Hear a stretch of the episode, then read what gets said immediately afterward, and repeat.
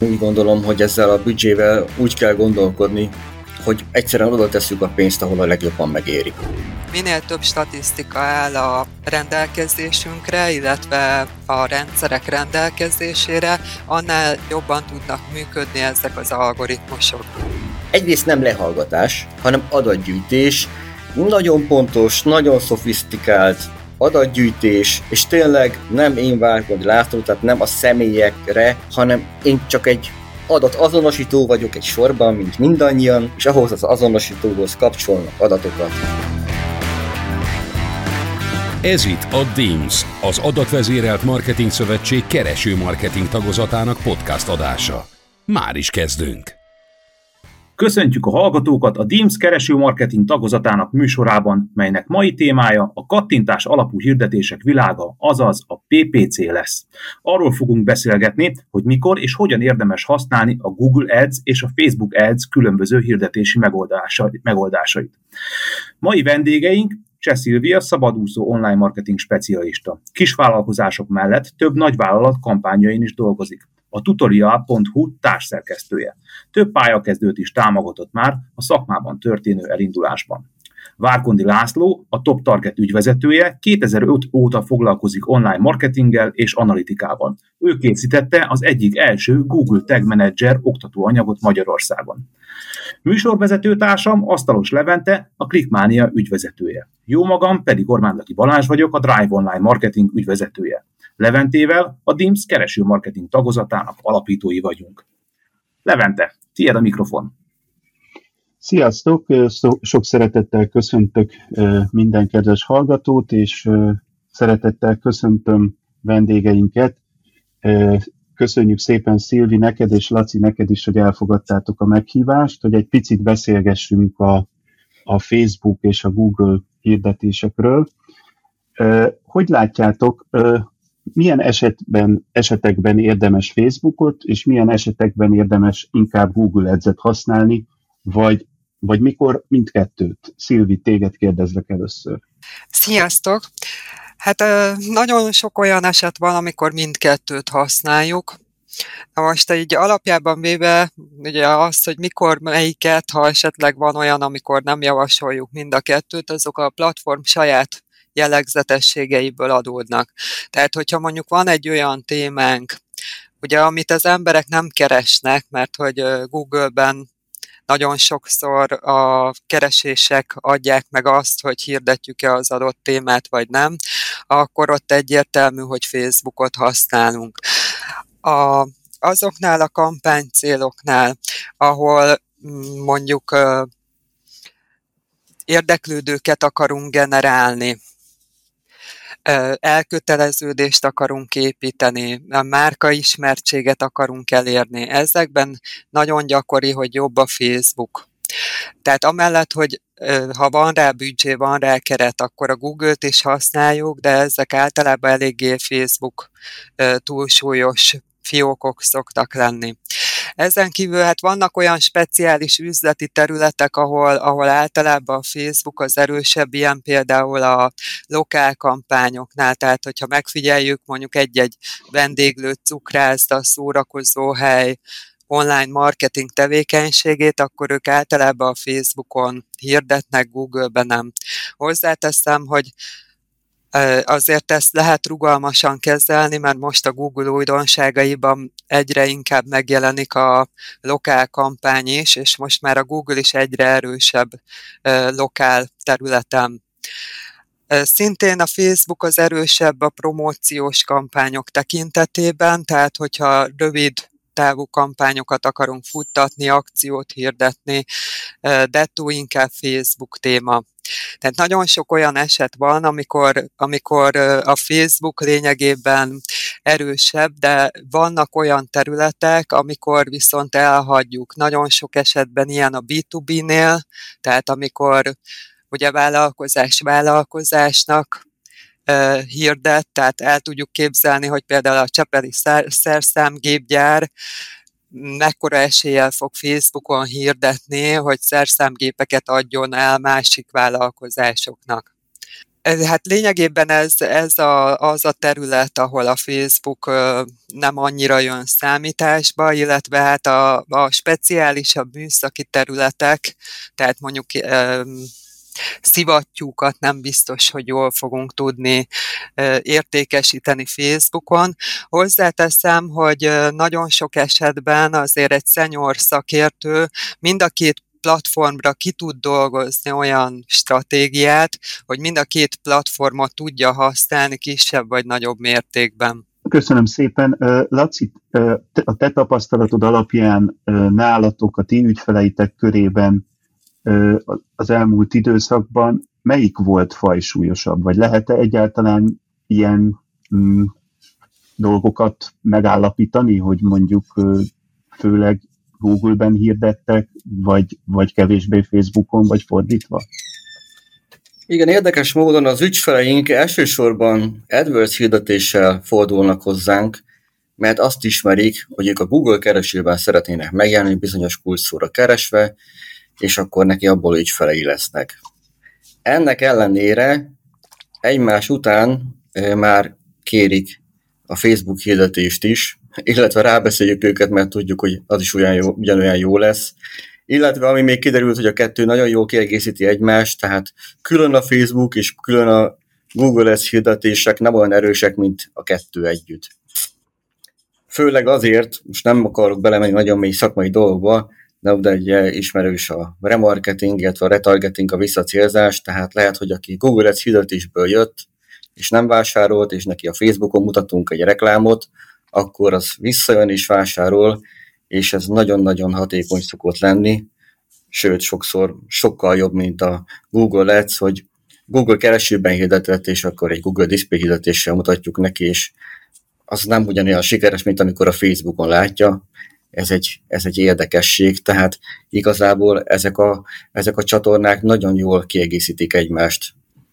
Ettől függetlenül van olyan, hogy tényleg csak a Google Ads a, a rendkívül hatékony bizonyos területeken, illetve csak a Facebook. Úgyhogy az első lépés mindig az, hogy csinálunk egy gyors kulcsszókeresést, hogy egyáltalán az ügyfél kulcsszavaira van-e keresés, mert ha nincs, vagy nagyon-nagyon kevés, akkor onnantól kezdve tényleg csak a Facebookkal tudunk tovább menni, és hát a Google Ads az csak ilyen kis kiegészítő, vagy akár teljesen el is hagyjuk. Ugyanez a Facebook esetén is, hogyha olyan, olyan az a terület, hogy ö, egyrészt nem nagyon keresnek rá a Google-ben, másrészt bizonyos területeket nagyon jól tud, be tudunk célozni érdeklődési kör alapján, hiszen a Facebook az ezerszer jobb ebben a témában, akkor nagyon pontos célzásokat tudunk létrehozni, ami azt jelenti, hogy nagyon jól megtérülő, nagyon sikeres kampányok lesznek a végeredménye. Úgyhogy én sosem mondanám azt, hogy vagy Google, vagy Facebook, a kettő együtt a legjobb, és vannak kivételes esetek, amikor tényleg csak az egyik, vagy tényleg csak a másik igazán jó. Köszönöm szépen. Tehát, hogyha jól értelmezem azt, amit elmondtatok, valójában nincs egy szent grál, hanem ezerféle különböző szkenárió van, amit különböző hirdetési stratégiát um, követelnek. Nézzünk most egy picit konkrétabb példát, mondjuk egy termékeket áruló webshop, legyen valamilyen műszaki, elektronikai termék. Ennek a webshopnak hogyan alakulhat a hirdetési költéseinek a megtérülése a Google kereső, a Google Display, a Facebook és az Instagram hirdetéseknél. Hol lesz a legnagyobb a megtérülés? Azaz, hogy egy befektetett eh, forint mennyi extra profitot termel számunkra. Hát uh, itt is azt kell mondanom, hogy nincs igazából így etalon. Egy-két olyan etalon van, ami amit figyelembe veszünk, tehát most itt kifejezetten bevétel és térülés szempontú kampányokról van szó. Ilyen esetekben nem ajánljuk ki alapjában véve a diszplét, mert nagyon ritka az, amikor a diszplé megtérül. Ugye ezek a Google partner oldalain megjelenő banneres hirdetések, ugye nagyon sokan ide rakják fel az adblockert, hogy ne lássák, tehát ezek, ezek nem igazán erre szolgálnak. Persze itt is vannak olyan speciális esetek, amikor kijön arra, hogy igen, elég jól konvertál, de pláne kezdőként ezt alapjába véve ne ajánljuk ki. A két legkonvertibilisebb, tehát a leginkább bevétel generáló eszköz vagy csatorna, azok a Google search, illetve a shopping hirdetései. Biztos találkoztunk már a Google keresőben azzal, hogyha rákeresünk egy termékre, akkor ilyen kis képes hirdetések jelennek meg, termék névár, ezek a shopping hirdetések, ez se régen jelent meg igazából Magyarországon, de ezek azok, amik ha működik, akkor nagyon jól tud működni. Hozzáteszem, hogy azért ez sem minden esetben működik, de alapjában véve ez a legerőteljesebb e-commerce kampánya a Google-nek. A Google kereső is tud működni, tehát maga a hagyományos search hirdetések, úgyhogy érdemes a shopping mellett kipróbálni ezt is, és javasolni az ügyfeleknek. Nyilván azt, hogy mi a sorrend, azt az adott projekt fogja eldönteni, tehát látni fogjuk azt, hogy az adott téma ezen vagy azon a területen, platformon működik inkább. Facebook hirdetések tekintetében ugye vannak a Facebooknak kifejezetten e-commerce kampányai, nagyon szép eredményeket tud hozni, illetve még olyan területeken is, tehát olyan termékköröknél is, ahol gyanakszunk arra, hogy a Facebook nem fog működni. Van a Facebooknak egy dinamikus remarketing típusú kampánya, ami azt jelenti, hogy a felhasználó azokat a termékeket fogja látni a hirdetésben, aminek, amit ugye a weboldalunkon is megtekintett. Tehát még hogyha gyanakszunk is, hogy ez nem annyira Facebook barát termékkör, akkor is a dinamikus remarketing kampányokat érdemes kiajánlani ügyfélnek. Az Instagram az egy lényegében egy külön kör, mert hogy nagyon sokszor szeretik ezt így külön emlegetni, hogy Instagram hirdetés, de ez egy kicsit speciális terület, mert az Instagram, a Facebook vagy a social hirdetések tekintetében lényegében egy elhelyezésnek számít a Facebook hirdetéseken belül. Applikációból meg lehet hirdetni posztokat, stb., de ez, ez az, amit egyfelől nem mi kezdenünk, mert nem biztos, hogy van hozzáférésünk, másfelől relatív ritkán és keveset csinálunk, és általában akkor is az ügyfél hirdetgeti meg az Insta abból a, a posztokat, tehát az Instagram hirdetéseket ilyen szempontból érdemes úgy felfogni, mint egy elhelyezés a Facebook hirdetéseknél. Tehát lényegében összefoglalva a legerősebb e-commerce kampányok, a Google-ban a shopping, másodvonalban a Google Search kampányai, illetve a Facebooknak az e-commerce kampány típusai, hogy ezekből mi lesz a nyerő, az ö, teljesen változó, tehát profiltól, projektől függ érdemes mindegyiket kipróbálni, és nyilván látni fogjuk azt, hogy milyen térülések vannak, mennyi bevétel van, és mm, hogy érdemes súlyozni a két platform között az eredmények függvényében. Köszönöm szépen. Laci, látsz-e olyan helyzeteket, amikor a Google elkereskedelmi hirdetési megoldásai gyengébben teljesítenek, mint a Facebook lehetőségei? Hát sokszor van ilyen, de hogyha ki szeretnék emelni egy-egy nagyobb témát, akkor ami igazán sokkal jobb a Facebookon, az a szépség-egészség téma.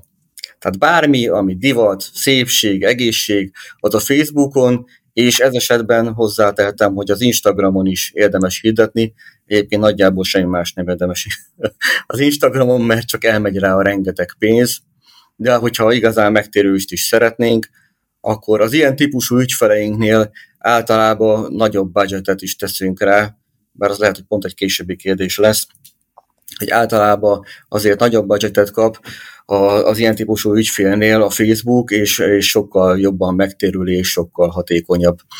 Ezen belül már a hirdetések tényleg ugyanazt tudom mondani, mint a Szilvi, hogy ezek a katalógus alapú hirdetések, illetve azon belül a dinamikus remarketing típusú hirdetések, azok, azok mindig nagyon jók a Facebookon, tehát egyszerűen nem tudok olyat mondani, amikor nem. hogyha abban egyetértetek, hogy bizonyos eseteket leszámítva azért nagyjából az az ideális állapot, amikor ezeket a rendszereket együtt használjuk, egyszerre használjuk, és nyilván ilyenkor fontos kérdés az, hogy ha van mondjuk az ügyfelünknek egy havi büdzséje, és ezeken a rendszereken szeretnénk az ő termékeit, szolgáltatásait hirdetni, akkor, akkor ezt a büdzsét valamilyen szempont szerint, vagy szempontok szerint fel kell osztani a különböző hirdetési rendszerek között. Laci, téged kérdeznélek most először, hogy mondanál -e egy pár olyan szempontot, aminek a végén az Excel táblába be tud kerülni a, a költségnek az a része, hogy mondjuk a adott büdzséből mennyit költsünk Facebookra, mennyit költsünk Google Ads-re, stb. stb. Akkor azzal kezdeném, hogy az egésznek az alapja a tesztelés és a mérés, hiszen ez az egész, tehát ez már nem érzelmi alapú, hogy hát szerintem ez lesz jó, meg szerintem az lesz jó, hanem igenis megfelelő mennyiségű adattal kell rendelkezzünk ahhoz, hogy döntést hozzunk. Úgyhogy egyszerűen annyiból áll az egész, hogyha van megfelelő mennyiség adatunk, akkor látjuk, hogy még platform esetén mennyi lesz a megtérülés, és ha még jobb megtérülést ad, arra átcsoportosítunk büdzsét, vagy ami még jobb, hogy ahhoz még emeljük a büdzsét, és lényegében ezt lépcsőnként szépen felépítjük.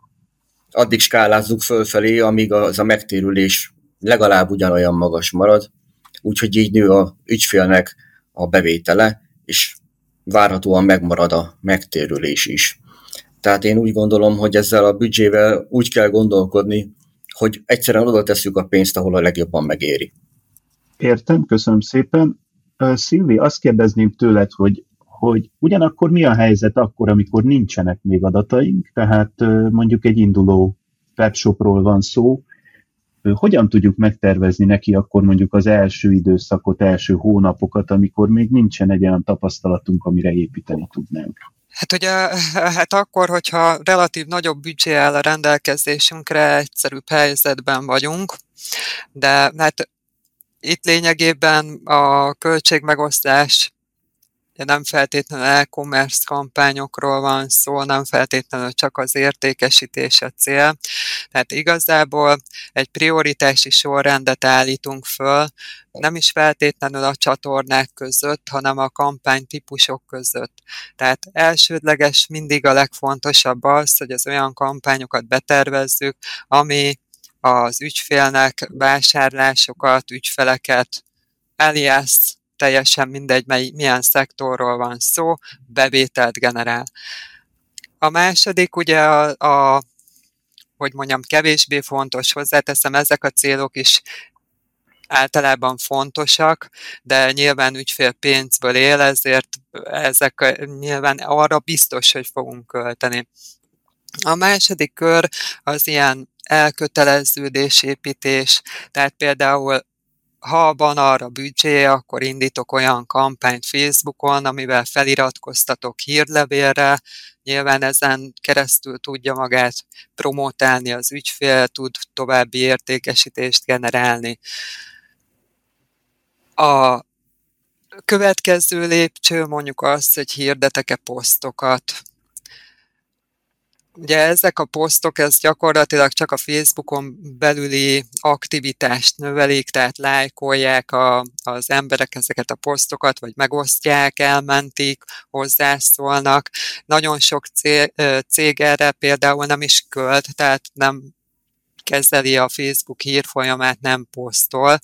Tehát mondjuk a következő lépés azok az ilyen kategóriájú hirdetések, mint például a post promotion, a videó megtekintés, tehát amivel így tudok mm, bele tudok nyúlni abba, hogy mekkora az elköteleződés, az ismertség ügyfél irányába, vagy az ügyfél szolgáltatása terméke irányába.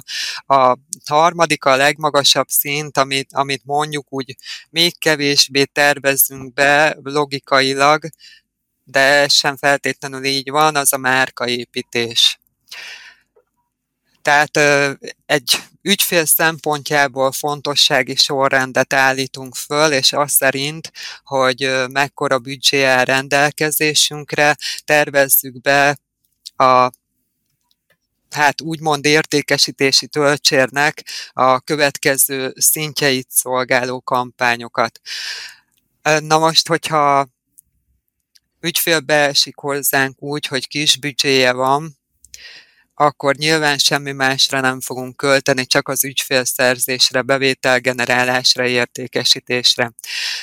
Aki dolgozik KKV-ban, azt meg fogjuk látni, hogy nagyon sok ilyen van. Van, hogy felépítjük nulláról, előről az egészet, tehát kezdjük azzal, hogy bevételt generálunk az ügyfélnek, abból már lesz profitja, és amikor már van profitja, akkor fél év múlva, egy év múlva azt mondjuk neki, hogy jó lenne tovább lépni, és csinálunk egy marketing szempontjából más típusú kampánystratégiát, bevonunk új kampánytípusokat, például mondjuk elkezdünk neki hírlevelezni, és elkezdünk feliratkozókat generálni. Ez gyakorlatilag szerintem így a legfontosabb, mm, talán legfontosabb szempont így a költségmegosztásban. Szuper, köszönöm szépen! Nagyon sok minden szóba került már, sok olyan kifejezés, ami még nem biztos, hogy a hallgatók számára egyértelmű post-promotion-től kezdve elköteleződésig. Úgyhogy most menjünk egy picit mélyebbre az egyes platformokban, és nézzük meg azt, hogy milyen területeken tudunk megjelenítetni hirdetéseket a Google Ads és a Facebook Ads ökoszisztémában. Laci, tied lesz a Facebook. Mesélj róla, hogy milyen speciális területek vannak, amit a Facebook hirdetés kezelőjén keresztül el lehet érni. Nem tudom mennyire speciális, hát most kinek mi a speciális, ugye? De ugye, amit a, ami nagyon, nagyon jól működik mindig, ugye a webshopoknál az alap, ugye a katalógus kampány. Katalógus kampányt is lehet ugye érdeklődési kör alapján célozni, illetve lehet remarketing alapján, ami nagyon-nagyon magas a megtérülése. Na most itt szóba került ugye a, a B2B célzás, vagy bármi, ami ajánlatkéréssel kapcsolatos, és ehhez van egy nagyon speciális eszköze a Facebooknak, amit hagyd tegyek hozzá, hogy lemásolt a Google is nem túl nagy sikerrel.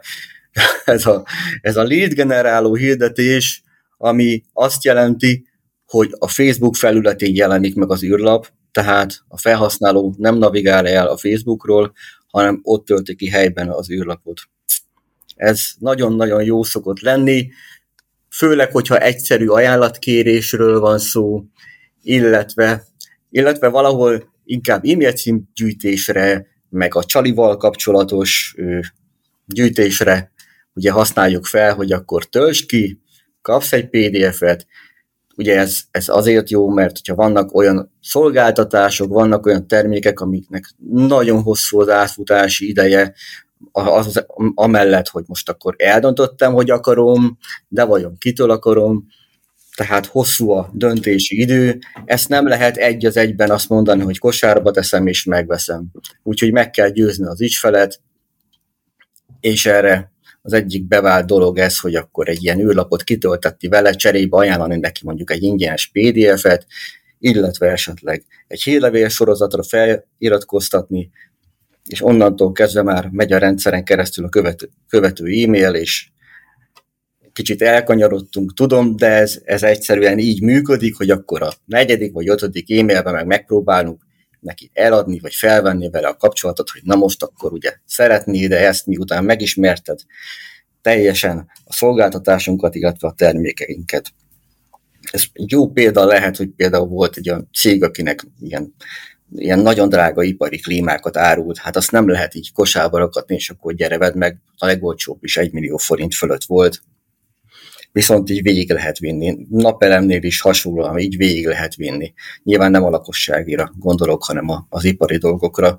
Úgyhogy lényegében a B2B területen ez, ez teljesen jól működik, illetve bárhol, ahol ajánlatkérésre vagy adatgyűjtésről van szó. Nem tudom, mennyire számít speciálisnak, de nagyon jól működnek ugye a videóhirdetések is, a videót végignézőkre visszacélozni, de ez már a célzásnak a területe. akkor mindenféle galéria hirdetések, galériába is lehet videósorozat, és a többi, és a többi, tehát nagyon-nagyon sok jó lehetőség van a Facebook területén, platformján.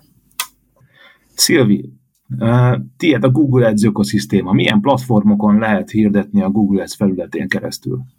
Ugye a Google hirdetésekről van szó, akkor nagyon sok ügyfél, meg egyébként gyanítom laikus is így kapás, valami eszébe jut, az a Google kereső. Ugye talán ez a legtipikusabb, hagyományosabb, legbevettebb. Ezt nyilván mi is ismerjük, beírunk a Google keresőbe egy keresőszót, nem tudom, kék virágos fürdőruha, és akkor ugye azt fogjuk látni, hogy vannak olyan szöveges hirdetések, ami mellett ki is van írva, hogy hirdetés, tehát jelöli is, hogy mi az, ami, ami ugye fizetett történet. Hát ez, ez a legtipikusabb. Ugye a másik, amiről beszéltünk, az a shopping, ezek a kis kártyás hirdetések, ahol megjelenik a kép termékneve, ára. Ez ez szintén ugye a Google kereső felületén jelenik meg, de technikailag ez egy teljesen más hirdetés típus, mint a hagyományos kereső. Ezzel találkozunk a legtöbbet, vagy illetve ez nem is igaz, hogy ezzel találkozunk a legtöbbet, valószínűleg ez a legfeltűnőbb, de amiket így látunk neten, böngészés közben mondjuk fölmegyünk az időkép.hu-ra, és akkor ott megjelennek ilyen banneres hirdetések, de nagyon sok más weboldalon is látunk ezeket. Ezeknek egy része szintén a Google-ből jön, ezeket hívjuk display hirdetésnek, ugye ezt már így említettük, Más néven egyébként GDN, GDN, ez a Google Display Network, ez a teljes hivatalos neve. A harmadik nagy platform az a YouTube. Talán ez így nem feltétlenül ismert sokaknak, de a YouTube is a Google tulajdonában van. Tehát amit a YouTube-on látunk hirdetést, az megint csak a Google rendszeréből jön. A YouTube-on is van többféle lehetőségünk, most abban nem mennék bele, hogy hányféle videó hirdetés van. Nyilván találkozunk vele, hogyha nem kapcsoljuk be az adblockert, de vannak ezek ott is, ezek a kis banneres hirdetések, ami hozzáteszem már a Display Networkből jön alapjában véve a legtöbb esetben. Tehát ezek a Google-nek a hogy mondjam, régi, jól bevált csatornái gyakorlatilag. Ami új, az, amit már említettem, hogy kezd egyre inkább lokálban is erősödni a Google, tehát ezt még én sem próbáltam, de tudok róla, hogy például jelennek meg térképes hirdetések is, tehát számíthatunk rá, hogy a térképen is egyre több hirdetés fog megjelenni. Gyakorlatilag lényegében ezek a, a legin, legfőbb vagy legismertebb irányvonalak jelenleg. Azt azt hiszem kimondhatjuk, hogy ezek a hirdetési rendszerek már önmagában automatizmusok, hiszen, hiszen különböző algoritmusok irányítják, illetve vezérlik ezeket a hirdetési rendszereket, rendszereket. Mégis ugye egyre inkább afelé tolódik a, a világ, és a hirdetési rendszerek is, hogy ne csak automatizmusokról beszéljünk, hanem egyfajta mesterséges intelligenciáról is. Értsd jól, a rendszerek elkezdik megtanulni a mi termékeinket, szolgáltatásainkat, és elkezdik tanulni azt is, hogy, hogy, hogy azokat hogyan lehet a minél hatékonyabban célozni. Szilvi, mesélnél egy kicsit arról, hogy ezekben a rendszerekben hogy néz ez most jelenleg, milyen, milyen automatizmusok segítenek minket a munkánk során, illetve hogyan tudjuk a rendszert felkészíteni arra, hogy ez a gépi tanulás minél hatékonyabban tudjon működni. Tehát gyakorlatilag ezek az intelligens funkciók, amivel így nap mint nap találkozunk mind a két platformon, az az, hogy megadhatjuk a rendszereknek, hogy mi milyen eredményt szeretnénk elérni. Eredmény alatt értem azt is, hogy például egy Facebook hirdetésben beállíthatom azt, hogy én azt szeretném, hogy vásárlások jöjjenek, beállíthatom azt, amit ugye Laci már említett, hogy például érdeklődőket szeretnék generálni, nyilván ez egy másfajta kampánytípus, tehát megmondhatom a rendszereknek azt, hogy nekem mi a fontos. Az, hozzáteszem, hogy az adott kampányban, tehát ezek mindig így kampány, kampánytípus függőek. Aztán például a Google-ben vannak ilyen okosságok, hogy lehet mondjuk térülést, bevételt maximalizálni, vagy költ, hogy mondjam, konverziónak hívjuk ezt, tehát konverziónkénti költséget megadni, amit lefordítok egyszerű mezei nyelvere, mondjuk meg akarom adni a Google-nek azt, hogy 600 forint fölé ne menjen a vásárlások költségét tekintve. Tehát ez, ez az a rész, amivel mi napi szinten minden esetben dolgozunk. Mind a két rendszer arra megy, hogy elméletben hozzáteszem, hogy minél inkább tudjanak a laikusok is jól hirdetni, ne kelljen túl nagy szakértelem az egészhez.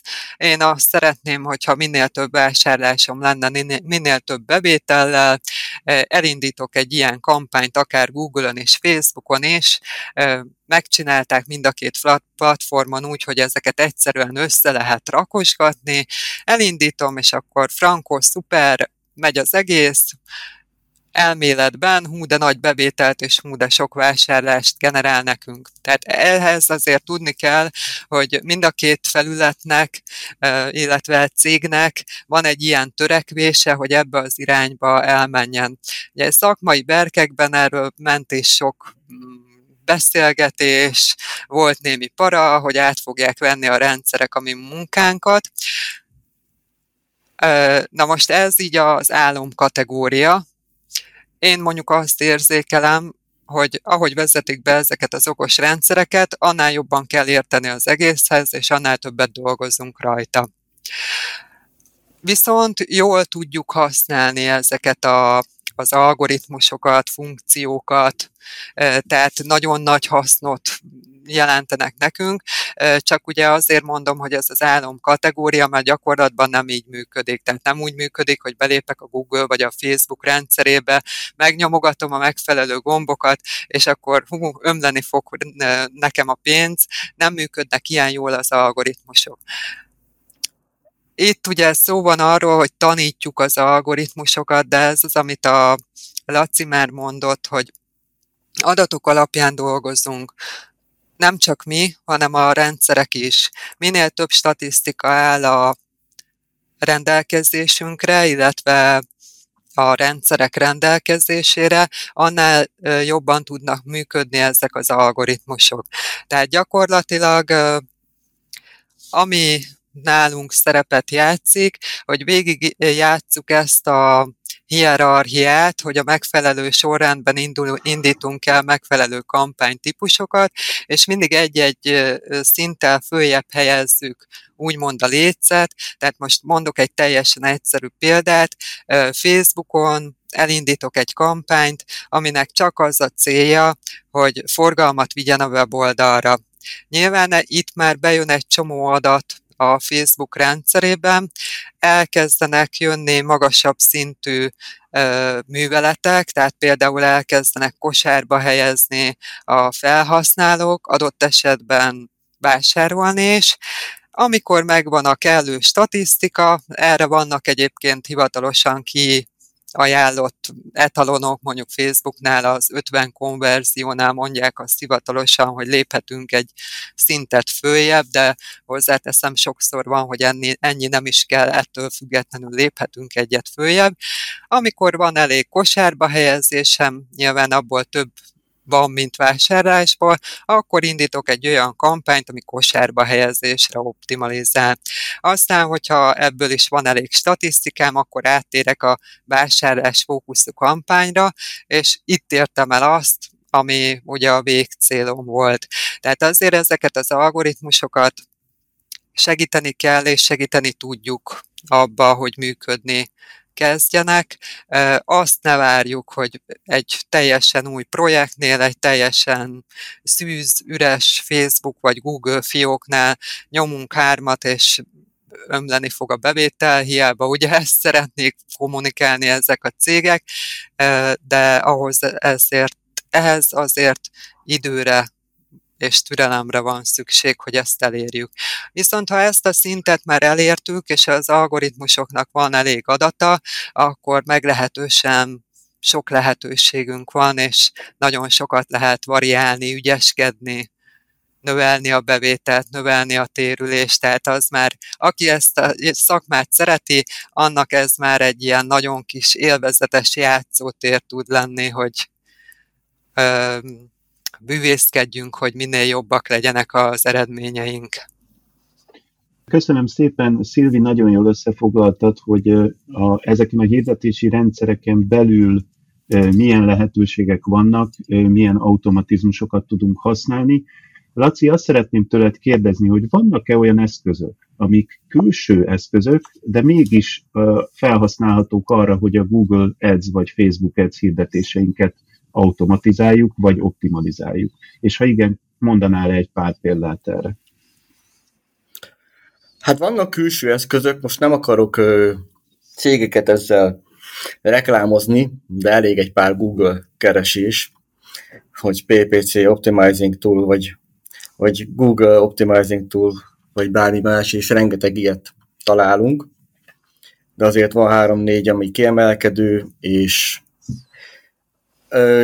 azért álltam itt meg a mondatnál, hogy és, mert igazából ezek az eszközök azoknak jók, akik már egy kicsit, már egy kicsit tudnak, már értenek a Googlehez vagy a Facebookhoz. Aki egy profi szakértő, annak igazából olyan nagy segítséget nem ad. Én kipróbáltam nagyon sok ilyen rendszert, és egyszerűen, tehát most tudom, furán hangzik, de nem tud jobban optimalizálni, mint én. Mert egyszerűen, mert egyszerűen nem. Ugye lefutnak az a rendszeren belül azok az algoritmusok, ez alapján ajánlásokat ad, hasonlóan, mint a Google-nek a saját ajánlásai, hogy szerintem mit kellene csinálni a fiókba, de ugye ő nem tud olyan dolgokat figyelembe venni, amit én tudok. Hogy ennél az ügyfélnél ez nem lesz jó, például és nem akarok belemenni a részletekbe, hogy milyen technikai részletekről van szó.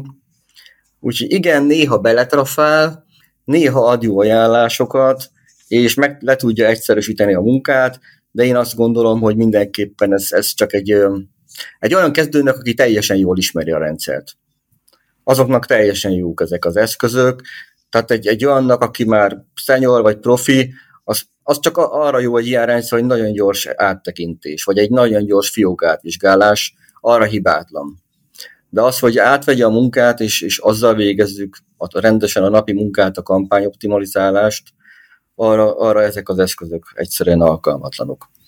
Viszont hibátlan a riportálásra, gyönyörű szép riportokat lehet vele készíteni az ügyfeleknek teljesen személyre szabva, igen, tehát tényleg ugye, hát, hogyha nagyon sok az ügyfél, akkor egy pillanatok alatt átlátom az összeset, hogy melyik hogy áll, történt-e valami változás, nagyon jók ezek az alertek ezekben az eszközökben, hogy mindenféle figyelmeztetést tud küldeni, hogyha bármilyen anomália van, bármilyen fiókban, amit esetleg Google nem vesz észre, Facebook nem vesz észre, úgyhogy jók ezek. Most a, a belső automatizmusok a rendszerekben azok úgy látom nagyon szépen fejlődnek. A Facebooknak sose voltak rosszak ezek a belső automatizmusai. A Google-nek szerintem utóbbi egy évben lett egészen jó. Tehát régebben azért, ha mondjuk két-három évvel ezelőtt, ha én bekapcsoltam egy konverzió maximalizálást, az aztán mindent tönkretett, még most meglepően jó eredményeket hoz, tehát annyira jó eredményeket is, hogy bemerem kapcsolni és elmerem engedni, úgyhogy azért figyeljük, hogy mit csinál, de, de bemerem kapcsolni. Nyilván ehhez adat kell, de ami a meglepő, hogy ahogy fejlődik az algoritmus, azt látom, hogy meglepően kevés adatból is meglepően jó eredményt tud hozni. Nyilván ezeknek az alapja nagyon jó alapbeállítás. Tehát, hogy nagyon profi kampány setup kell, nagyon jól el kell döntsük, hogy mik azok a konverziók, amiket mérünk, mi ez az, amire optimalizáljuk azt a konkrét kampányt. Onnantól kezdve ezek az algoritmusok meglepően jó dolgoznak. Köszönöm szépen. Tehát akkor egyre több algoritmus van, egyre jobban dolgoznak magukban, tanulnak és fejlődnek, ami jó hír, hogy ez tulajdonképpen nem megszünteti a ügynökségi szerepkört, hanem megerősíti, mert még jobban kell érteni ahhoz, hogy hogyan működnek ezek az algoritmusok. De fölmerül néhány kételje a végfelhasználóknak, akik ezeket a rendszereket használják, ezekkel az algoritmusokkal kapcsolatban, e, és mindenféle sötét jövőkép is fölmerül. E, gyakran hallani ezt, hogy, hogy esetleg lehallgatnak minket ezek a hirdetési rendszerek, e, követnek minket ezek a hirdetési rendszerek, és, és ugye ez egy elég köznapi kérdés is, mert pont a, a napokban szólította föl a, az Európai Unió a Google-t, hogy tegye nyilvánossá azt, hogy milyen szempontrendszer szerint rendezi a találatait a keresőben, hiszen a felhasználóknak nem mindegy, hogy mi a szándék a találatok sorba rendezése mögött. Mit gondoltok, hogy tényleg lehallgatnak minket ezek a hirdetési rendszerek? Hát igen, ez sok, sokszor felmerül ez a kérdés. Lehallgatásról szó szerint én nem beszélnék, tehát felmerülnek ilyenek, egy-két dolgot nem ismerek mondani, mert akinek van paranoid hajlama, az most bepánikolna, de maradjunk annyiban, hogy nem, tehát ebben én nem hiszek, hogy mondjuk most például valaki fülelne és hallaná, hogy most mi, mi beszélünk, persze vannak pegazus botrányok, meg ilyenek, de hát azért valljuk be, hogy ők nem ránk kíváncsiak, meg ugye ők nem hirdetési rendszerek. Az viszont biztos, hogy úgy van, hogy figyelik a tevékenységünket. Nyilván vannak olyan eszközök, amivel mi ezt tudjuk gátolni, de teljesen megakadályozni nem tudjuk. Most, ami, ami felé halad, ugye, amiket hallunk Google, Facebook viszonylatában is, hogy hát azért itt voltak ügyeskedések, meg ö, adatvédelmi elv megsértések, mert hát le, lehet ezt adott esetben személy szinten is követni, de mindenkit megnyugtatok, hogy nem, tehát ezek az adatok nem kerülnek nagy plénum elé, tehát ha nekem van egy webshopom, akkor nem fogom látni azt, hogy, hogy mondjuk a e, Kismariska ezt a terméket nézte meg, és e, öt aloldalt figyelt jó, tehát ezeket így, így felejtsük el, nem jutnak hozzá nagy, mm, hogy mondjam, széles körben ezekhez az adatokhoz, és azért afelől is szkeptikus vagyok, hogy a Google meg a Facebook nyilván ezeket az adatokat beömleszti egy rendszerbe, de itt már big data elemzésről van szó, megvizsgálja a userek viselkedését, és viselkedés alapon jeleníti meg a, a hirdetéseket. Halad arra az egész rendszer, hogy ezt még olyan szinten se tudják megtenni, hogy hogy bármi esélyük legyen ezt így személyhez kötni. Tehát ez az egész így egy-két éven belül várhatóan még inkább javulni fog. Bocsánat. De abban biztosak lehetünk, hogy valahogy követni fogják a viselkedésünket, hiszen az egésznek a célja az, hogy számunkra releváns hirdetéseket jelenítsünk meg jelenítsenek meg. Most erről vitatkoztatunk, hogy ez jó vagy rossz. Én azt gondolom, hogy ez jó, tehát akár akarjuk, akár nem, a marketinget, a reklámokat nem tudjuk elkerülni. Számomra ez egy hasznosabb és élhetőbb történet, hogy mondjuk ellentétben a tévéreklámokkal, ahol mindent a nyakamba kapok, mondjuk csak olyan reklámokat kapok, amik esetleg érdekelhetnek. Ami itt probléma, az ugye az emberek viselkedése, mentalitása, hogy mennyire tudatosak. Nekem ez nem okoz problémát, ha nem akarom, nem veszem meg, hogyha meg érdekel a téma, akkor meg örülök, hogy feldobták, hogy hú, hát pont egy ilyen gumimatracra volt szükségem, de jó, nem kell két hónapig keresgélnem, fölmegyek, megveszem. Na most ezzel lényegében ugye egy társadalmi szintű probléma van, nem tudjuk azt, hogy mit csinálnak ezek a rendszerek, nem tudjuk azt, hogy milyen adatok vannak a birtokukban, emiatt megjelenik a társadalmi paranoia, hozzáteszem, hogy joggal, valójában azért gyakorlatban nem tapasztaljuk azt, hogy ezekkel az adatokkal így a személyes életünkben nincs ilyen tapasztalat, hogy visszaélnének, legalábbis nekem még így nem volt ilyen tapasztalatom. Nem gondolom azt, hogy ilyen nagyon félni kellene ettől, kilépni pedig nem igazán tudunk belőle, tehát amíg használjuk a digitális világot, az internetet, stb., addig nem tudunk ebből kilépni. Hozzáteszem, hogyha nem vonulunk el remeteként egy barlangba, akkor mondjuk csak nem használjuk az internetet, akkor is szembe jönnek a reklámok, meg a marketing, hát kimegyünk az utcára, és ott van egy csomó felirat, meg reklám, meg molinó, meg óriás plakát, a tévéreklám, stb. Tehát elzárkózni nem tudunk semmiképpen ettől.